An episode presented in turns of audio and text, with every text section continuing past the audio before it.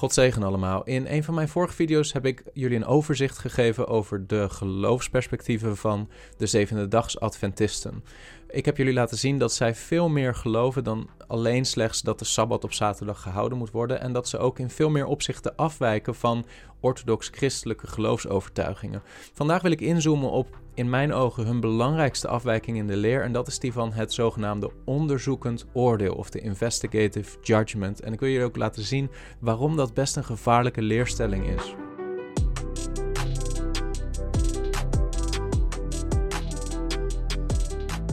In de vorige video heb ik jullie verteld dat uh, zevende Adventisme eigenlijk begon uh, in de 19e eeuw, begin 19e eeuw, met een beweging in het christendom uh, die verbonden was aan een baptistenpredikant genaamd Miller. En de zogenaamde Millerieten, mensen die zijn boodschap aanhingen, geloofden dat Jezus opnieuw zou komen, hè, dat de wederkomst van Jezus Christus zou plaatsvinden in het jaar 1844. Dat geloofden zij op basis van, mijns inziens, een verkeerde interpretatie van Daniel hoofdstuk 8, vers 14. In dat vers lezen we, en hij zei tegen mij, tot 2000 300 avonden en morgens, dan zal het heiligdom in rechten hersteld worden.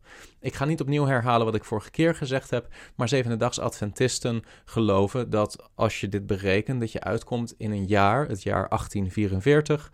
En uh, destijds geloofden de Millerieten, hè, de, de beweging van waaruit Zevendedags Adventisme is ontstaan, dat de wederkomst van Christus in dat jaar zou plaatsvinden.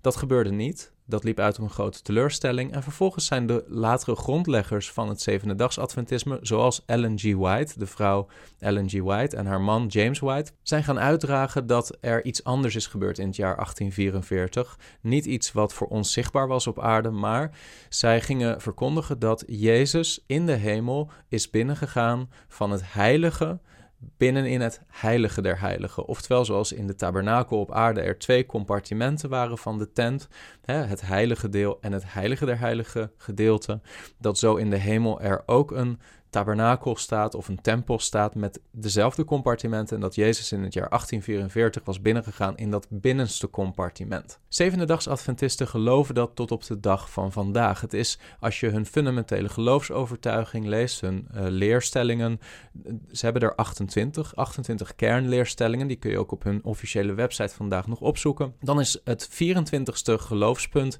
het punt waar dit ook in opgenomen staat. Het idee dat er in de hemel een heiligdom staat, zoals ook dat heiligdom op aarde was, met dezelfde compartimenten, dat Jezus Christus na zijn dood is binnengegaan in het heilige gedeelte daarvan, maar dat hij in het jaar 1844 is binnengegaan in het heilige der heiligen, en dus in het binnenste heiligdom. Daar zit een vertraging in van ongeveer 1800 jaar in hun theologie. Vervolgens is Jezus daar, zo geloven zij, gaan onderzoeken wie ware gelovigen zijn in Hem, voor wie Hij zijn bloed zou moeten toepassen om hun zonden uit te delgen.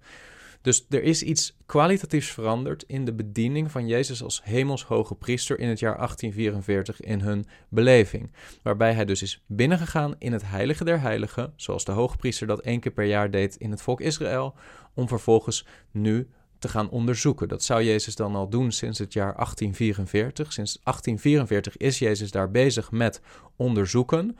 En nogmaals, wat hij onderzoekt is, hij onderzoekt de levens van mensen die beleiden gelovigen te zijn in Jezus Christus, om te bezien of dat ze waardig zijn, of dat ze het wel waard zijn, of dat ze wel goed genoeg leven conform de wet van God om vervolgens ook hun zonden uit te delgen. Je kunt je voorstellen dat deze leerstelling heel veel angst introduceert in de levens van gelovigen, want het is nog maar zeer de vraag of dat Jezus ook jouw zonden, ook al zouden die nu wel zijn vergeven, ook zal gaan verzoenen en uitdelgen eh, in dat binnenste heiligdom. Want dat is nog niet gebeurd in hun theologie. Dat gaat in de toekomst gebeuren. En dat is grotendeels afhankelijk dus niet van Jezus voorbesluit, zijn raadsbesluit om jou te verzoenen als een kind van God, maar is afhankelijk van in hoeverre jij zijn wetten, geboden en in het bijzonder de Sabbat op zaterdag bijvoorbeeld houdt. Wat is het probleem met deze leerstelling? Nou, het eerste probleem is, de Bijbel zegt dit nergens. Dit is een leer die verzonnen is. Hè, grotendeels waarschijnlijk door mensen als Ellen G. White, James White, de vroege grondleggers van het Zevendags Adventisme. Dat groepje mensen heeft elkaar beïnvloed om te komen tot een soort oplossing voor het feit dat Jezus niet is teruggekomen in het jaar 1844. En dit is uiteindelijk de oplossing geworden. Ehm, ze hebben een theorie die niet puur voortkomt uit de tekst van de schrift. En vervolgens proberen ze die dingen die wel onderwezen worden in de schrift te harmoniseren met hun theorie. Maar dit is niet een goede manier om de Bijbel te lezen. Het is niet een goede manier om de leer in de gemeente te funderen. De Bijbel moet het fundamentele gezag zijn voor een leerstelling in de gemeente. En op het moment dat een leer niet voortvloeit uit de tekst, maar je eigenlijk met een leer naar de tekst toe gaat en probeert jouw leer te harmoniseren met de data van de tekst van de schrift, dan ben je andersom bezig, dan ben je verkeerd bezig. En dat is precies wat er gebeurt in zevende Adventisme. Zij geloven dat de leer van de investigative judgment in feite geopenbaard is aan Ellen G. White en de vroege volgelingen van zevende Adventisme, de vroege leiders in die beweging. En vervolgens proberen ze terug te gaan naar de schrift en dat perspectief te harmoniseren met wat er staat. Maar de realiteit is, je ziet dit nergens in de Bijbel en daarom geloven de meeste christenen hier dus ook niet in. Dat is het eerste probleem. De Bijbel zegt dit nergens. Ten tweede, de Bijbel spreekt dit tegen. Het is niet alleen dat de Bijbel niet ondersteunt of actief proclameert dat Jezus in 1844 is binnengegaan in het binnenste heiligdom. Maar de Bijbel spreekt het tegen. De Bijbel onderwijst dat Jezus meteen bij zijn hemelvaart is binnengegaan in de troonzaal van God en zich gezeten heeft aan de rechterhand van de Vader. Op de meest intieme plek in relatie tot God. Die plek waar als het ware symbolisch de hoge priester op aarde maar één keer per jaar binnen mocht komen, de genadetroon van God, de mercy seat, daar is Jezus meteen bij zijn hemelvaart binnengegaan. Dus dat is probleem 2. Daar zullen we zo naar kijken. De Bijbel spreekt de leer van het onderzoekend oordeel in het jaar 1844 tegen op allerlei terreinen. En een derde probleem is de pastorale gevolgen en de gevolgen voor de boodschap van het evangelie van deze leer zijn desastreus en nemen de rust weg van ware gelovigen om te rusten in het voltooide werk van Jezus Christus. Het belangrijkste probleem is dat de Bijbel dit tegenspreekt en um, dat is eigenlijk al volledig duidelijk vanaf het moment dat Jezus sterft aan het kruis op Golgotha. Want we lezen bijvoorbeeld in Marcus 15, vers 38, dat op dat moment dat Jezus stierf, het voorhangsel van de tempel, hè, datgene wat het heilige scheiden van het heilige der heiligen, dat scheurde. Van boven tot beneden. En daarmee symboliseerde God dat de weg tot het heilige der heiligen, de weg tot de aanwezigheid van God, nu open was gesteld. En we lezen ook in het evangelie dat Jezus op het moment dat hij de geest gaf en stierf, dat hij daarvoor zei: Het is volbracht. Het werk van verzoening, het werk van vergeving, het, bedienend werk, het offer van Jezus is volbracht aan het kruis van Golgotha. Terwijl zevende Adventisten dus eigenlijk geloven dat dat slechts de eerste fase was in dat verzoenend werk van de hoge priester, maar vervolgens Jezus pas in het jaar 1844 is binnengegaan in de volgende fase van dat verzoenend werk. Dus ze zullen wel zeggen wanneer je er expliciet naar vraagt: geloof je dat het verzoenend werk van Jezus Christus voltooid was op Golgotha? Dan zullen ze ja zeggen, maar hun leer spreekt dat tegen. Hun leer is niet dat het voltooid is. Hun leer is niet dat jouw zonden al uitgedelgd zijn, al verzoend zijn. Ze geloven dat die zonden nog steeds kleven aan dat heiligdom in de hemel en dat dat nog steeds gereinigd moet worden in de toekomst. De Bijbel ondersteunt dat niet. De Bijbel is veel um, eenvoudiger in het aangeven dat op het moment dat Jezus zijn offer gebracht werd op Golgotha, het werk volbracht was. Het is volbracht, zei Jezus. Als je dan vervolgens de Hebreeënbrief goed gaat lezen, wat vaak de bron is voor zevende-dags Adventisten om nog enigszins hun leer te onderbouwen, dan zie je dat ook de Hebreeënbrief hier tegenstrijdig mee is. Dat de Hebreeënbrief onderwijst dat Jezus als hemelshoogpriester meteen bij zijn hemelvaart is binnengegaan in het heilige der heiligen, in dat binnenste compartiment. We kijken om dat te zien naar een aantal versen in de Hebreeënbrief. Te beginnen bij Hebreeën 4, vers 14 tot 16. Daar lezen we, nu wij dan een grote hoogpriester hebben, die de hemelen is doorgegaan, namelijk Jezus, de Zoon van God, laten wij aan deze beleidenis vasthouden. Want wij hebben geen hoogpriester die geen medelijden kan hebben met onze zwakheden, maar één die in alles op dezelfde wijze als wij is verzocht, maar zonder zonde. Laten wij dan met vrijmoedigheid naderen, let goed op, laten wij met vrijmoedigheid naderen tot de troon van de genade.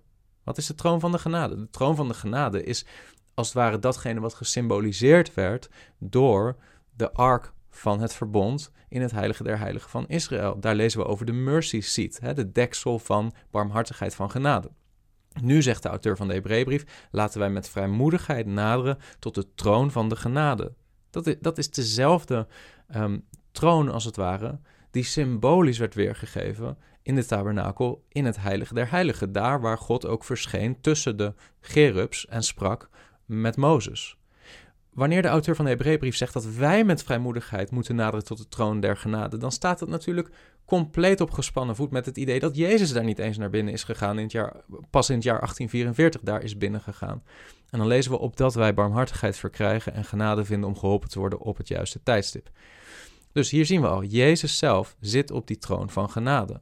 En wanneer werd de Hebreeënbrief geschreven? Niet in het jaar 1844, ook niet daarna, in de eerste eeuw. Dus dit is de toestand van Jezus al meteen bij zijn hemelvaart. Hij is gezeten aan de rechterhand van de Vader. Dan lezen we verder in Hebreeën hoofdstuk 6, vers 19 en 20. Daar staat: Deze hoop hebben wij, dat gaat over het Evangelie. Deze hoop hebben wij als een anker voor de ziel dat vast en onwrikbaar is en reikt tot in het binnenste heiligdom. Er staat: Eis ergo menen, eis to esoteron. Het binnenste heiligdom. Het binnenste. Achter het voorhangsel, zegt hij er ook achteraan in de herziene statenvertaling. Dus wij hebben een hoop als een anker voor de ziel vast en onwrikbaar, die reikt tot in het binnenste heiligdom. Het gaat over het heilige der heiligen, achter het voorhangsel. En dan staat er vers 20, daar is de voorloper voor ons binnengegaan, namelijk Jezus, die naar de verordening van Melchizedek hoge priester geworden is tot in eeuwigheid. Dus, waar is Jezus, volgens de auteur van de Hebreeënbrief? Op het moment dat hij schrijft, in het heilige der heiligen, in het binnenste heiligdom, in de hemel der hemelen, in de tegenwoordigheid van zijn vader als hoge priester. Daar is hij binnengegaan. Niet in het jaar 1844, maar meteen na zijn hemelvaart. Hebreeën 7, vers 25. Daarom kan hij ook volkomen zalig maken wie door hem tot God gaan, omdat hij altijd leeft om voor hen te pleiten. Want zo'n hoge priester hadden wij nodig, heilig, onschuldig, onbesmet, afgescheiden van de zondaars en boven de hemelen verheven. En, en daar moet je goed opletten wat daar staat. Boven de hemelen verheven. Op het moment dat jij het idee gaat introduceren dat er in de hemel compartimenten zijn en dat er een, als het ware een intiemer compartiment is, dichter bij de troon van de Vader, dan het compartiment waar Jezus is binnengegaan, dan spreek je letterlijk tegen wat de Heilige Geest hier zegt. Hij is binnengegaan op een plek die boven de hemelen is verheven. En dan staat er vers 27 van Hebreeën hoofdstuk 7. Hij heeft het niet nodig zoals de hoge priesters elke dag eerst voor zijn eigen zonde slachtoffers te brengen en pas daarna voor die van het volk, want dat heeft hij eens en voor altijd gedaan toen hij zichzelf offerde. De geest van de Hebreeënbrief is steeds opnieuw dat het nieuwe verbond een beter verbond is, omdat het niet tijdsgebonden is, maar voor eens en voor altijd een offer is gebracht, een verzoening tot stand is gebracht door onze volmaakte hoge priester Jezus Christus, die is binnengegaan meteen bij zijn hemelvaart in het heilige der heiligen. Jaar 1844 vind je hier niet. Hebreeën hoofdstuk 8, vers 1 en 2. De hoofdzaak nu van de dingen waarover wij spreken is dit. Zo'n hoge priester hebben wij. Eén die zich heeft gezet, let op, heeft gezet, aan de rechterhand van de troon van de majesteit in de hemelen. Lezen we hier over een heilig compartiment waar die zit? In tegenstelling tot een heilig der heilig compartiment? Nee, nee. We lezen Eén die zich heeft gezet aan de rechterhand van de troon van de majesteit in de hemelen. Het meest intieme compartiment aan de rechterhand van de Vader. En dan lezen we verder, hij is een dienaar in het heiligdom en in de ware tabernakel die de Heer heeft opgericht en niet een mens. Maar goed, hij zit aan de rechterhand van de troon van de majesteit. Hij is gezeten op de troon der genade. Hij is gezeten in het heilige der heiligen. Niet in het jaar 1844 pas, maar meteen bij zijn hemelvaart. Hebreeën 9 vers 12. Hij is niet door bloed van bokken en kalveren, maar door zijn eigen bloed, let goed op, eens en voor altijd binnengegaan in het heiligdom en heeft daardoor een eeuwige verlossing teweeggebracht. Wordt gesproken in verleden tijd. Wordt niet gezegd, hij is nu bezig met onderzoeken wiens levens het waard zijn om zijn bloed op toe te passen, of wiens levens het waardig zijn om hun zonde uit te delgen in het heilige der heiligen sinds het jaar 1844. Staat nergens. Wat er staat is en wat benadrukt wordt is hij is voor eens en voor altijd binnengegaan in het heiligdom. En hij heeft daar verleden tijd een eeuwige verlossing teweeggebracht. En tot slot Hebreeën 10, vers 11 tot 14. En iedere priester stond wel dagelijks te dienen en bracht vaak dezelfde slachtoffers, die de zonde toch nooit zouden kunnen wegnemen. Maar deze priester is, nadat hij één slachtoffer voor de zonde geofferd had, tot in eeuwigheid gezeten aan de rechterhand van God. Verder wacht hij op het tijdstip dat zijn vijanden tot een voetbank voor zijn voeten gemaakt worden, want met één offer heeft hij hen die geheiligd worden tot in eeuwigheid volmaakt. Staat niet met één offer zal hij hen die geheiligd worden tot in eeuwigheid volmaken. Als die eenmaal besluit om hun zonde te verzoenen in het heilige der heiligen, staat er niet. Wat benadrukt wordt is het voltooide aspect van die verzoeningsbediening van Jezus Christus. Met één offer heeft hij hen die geheiligd worden tot in eeuwigheid volmaakt. En er staat ook niet in Hebreeën hoofdstuk 10 dat hij nu bezig is met een onderzoekend oordeel of dat hij dat in de toekomst zou gaan doen, bezien vanuit de eerste eeuw. Nee, er staat hij wacht tot op het tijdstip dat zijn vijanden tot een voetbank voor zijn voeten gemaakt worden. Er staat niks over uh, een tweede fase in zijn verzoeningsbediening waarin hij de levens van gelovigen gaat onderzoeken of dat ze het wel waard zijn om hun zonde te verzoenen. Dus, samenvattend, 1. We lezen nergens in de Bijbel over een 1844 onderzoekend oordeel. En dus het introduceren van zo'n doctrine is arbitrair en is gevaarlijk. Um, maar het is ook gewoon geen goede praktijk om je leer te baseren op iets wat je niet alleen uit de Bijbel ziet voortkomen. Ten tweede, datgene wat wel uit de Bijbel voortkomt, dat wat de Bijbel onderwijst, staat op zeer gespannen voet met die 1844 onderzoekend oordeeldoctrine. Uh, we lezen dat het eigenlijk tegenstrijdig is en dat de Bijbel benadrukt, Hebreeënbrief benadrukt, dat Jezus voor eens en voor altijd is binnengegaan, gezeten is op de troon van genade, gezeten is aan de rechterhand van de Vader. Er is geen intiemer compartiment in de hemel waar Jezus later pas in binnen zou gaan. Dus deze leer is onbijbels. Hij is onbijbels, hij is tegenstrijdig met wat de Bijbel onderwijst. En ten derde, en nu wordt het gevaarlijk, op het moment dat je dit gelooft, wat zou de pastorale implicatie hiervan zijn? Dit betekent in feite dat geen enkele christen zeker weet of dat hij gered zal worden. Geen enkele christen kan zeker weten dat Jezus zijn of haar zonde ook daadwerkelijk zal uitwissen. Dus het aspect wat juist wordt benadrukt in het Nieuwe Testament. Als je het Nieuwe Testament van begin tot einde doorleest, dan zijn er heel veel dingen die we pas in de toekomst zullen ontvangen als gevolg van Jezus' werk op Golgotha. Maar een van de dingen die we niet pas in de toekomst ontvangen, maar nu al mogen ontvangen, is de zekerheid dat we een kind van God zijn, de zekerheid dat onze zonden vergeven zijn en de rust die daarmee gepaard gaat voor onze ziel. Wij hebben het eeuwig leven ontvangen op het moment dat we geloven in Jezus Christus. Maar wanneer je gelooft dat jouw zonden nog niet zijn uitgewist, jouw zonden nog niet zijn uitgedelgd op het moment dat je je geloof stelt op Jezus Christus, dan heb je die rust in feite niet. En dat is het grote gevaar van deze leerstelling. En dat is niet alleen maar een theoretisch gevaar, maar als je eerlijk vraagt aan zevende-dags Adventisten, en zeker degene die bekend zijn met de vroegere geschiedenis van deze beweging, dan hoor je dat juist deze leerstelling, de leerstelling van het investigative judgment, heel veel onrust heeft geïntroduceerd in de zielen van bijvoorbeeld de ouderen in hun gemeente. Je kan, als je daar wat verder in wilt verdiepen, een boek lezen van Desmond Ford, een uh, inmiddels overleden, maar recent nog levende, uh, zeer trouwe zevende Adventist, die heel zijn leven verbonden is geweest aan het Adventisme, uh, die ook heel zijn leven geloofd heeft en bleef geloven dat uh, het Bijbels was om de Sabbat te vieren als christen op zaterdag, maar die toch uit de gemeente is weggegaan van de Zevende Adventisten vanwege de leer van het investigative judgment en die ook in alle eerlijkheid en vanuit een hart vol liefde voor de Zevende Adventistenkerk heeft aangegeven, deze leer is onbijbels, deze leer is niet juist, deze leer um, is een corruptie van het evangelie van Jezus Christus en zorgt ervoor dat veel leden van die kerk geen zekerheid van hun verlossing hebben in de dagelijkse praktijk van hun leven. En opnieuw wil ik dus afsluiten met deze gedachte. Deze beweging gaat niet alleen maar over de overtuiging om de sabbat te vieren op zaterdag. Deze beweging heeft veel uh, gevaarlijkere elementen in zich dan alleen dat idee. Maar in de praktijk heerst er in deze beweging een geest van wetticisme, van legalisme en van het idee dat door de sabbat te houden op zaterdag, door de wet genoeg, goed genoeg te houden, je uiteindelijk mag hopen dat Jezus jou zal verzoenen ten aanzien van jouw zonde en jouw relatie met God. En dat idee is een zeer grote bedreiging voor het evangelie van Jezus Christus. Wij mogen in het hier en nu reeds ontvangen de zekerheid dat onze zonden vergeven zijn op het moment dat we ons geloof stellen op Jezus Christus. En dat brengt een rust in onze ziel waarvan de Sabbat slechts een symbool was. En wat frappant is van dit alles, is dat juist die diepere geestelijke rust iets is wat veel, zeker klassieke zevende Adventisten niet in hun hart hebben. Er zijn ook veel modernere en meer evangelisch georiënteerde zevende Adventisten vandaag de dag. Er zijn in die zin twee stromingen binnen het zevende Adventisme.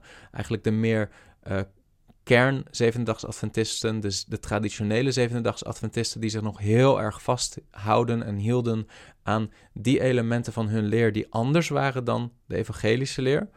En de meer moderne evangelische, syncretistische Zevendaags Adventisten die hun leer veel meer geharmoniseerd hebben met bijbelse, evangelische, orthodoxe evangelieleer.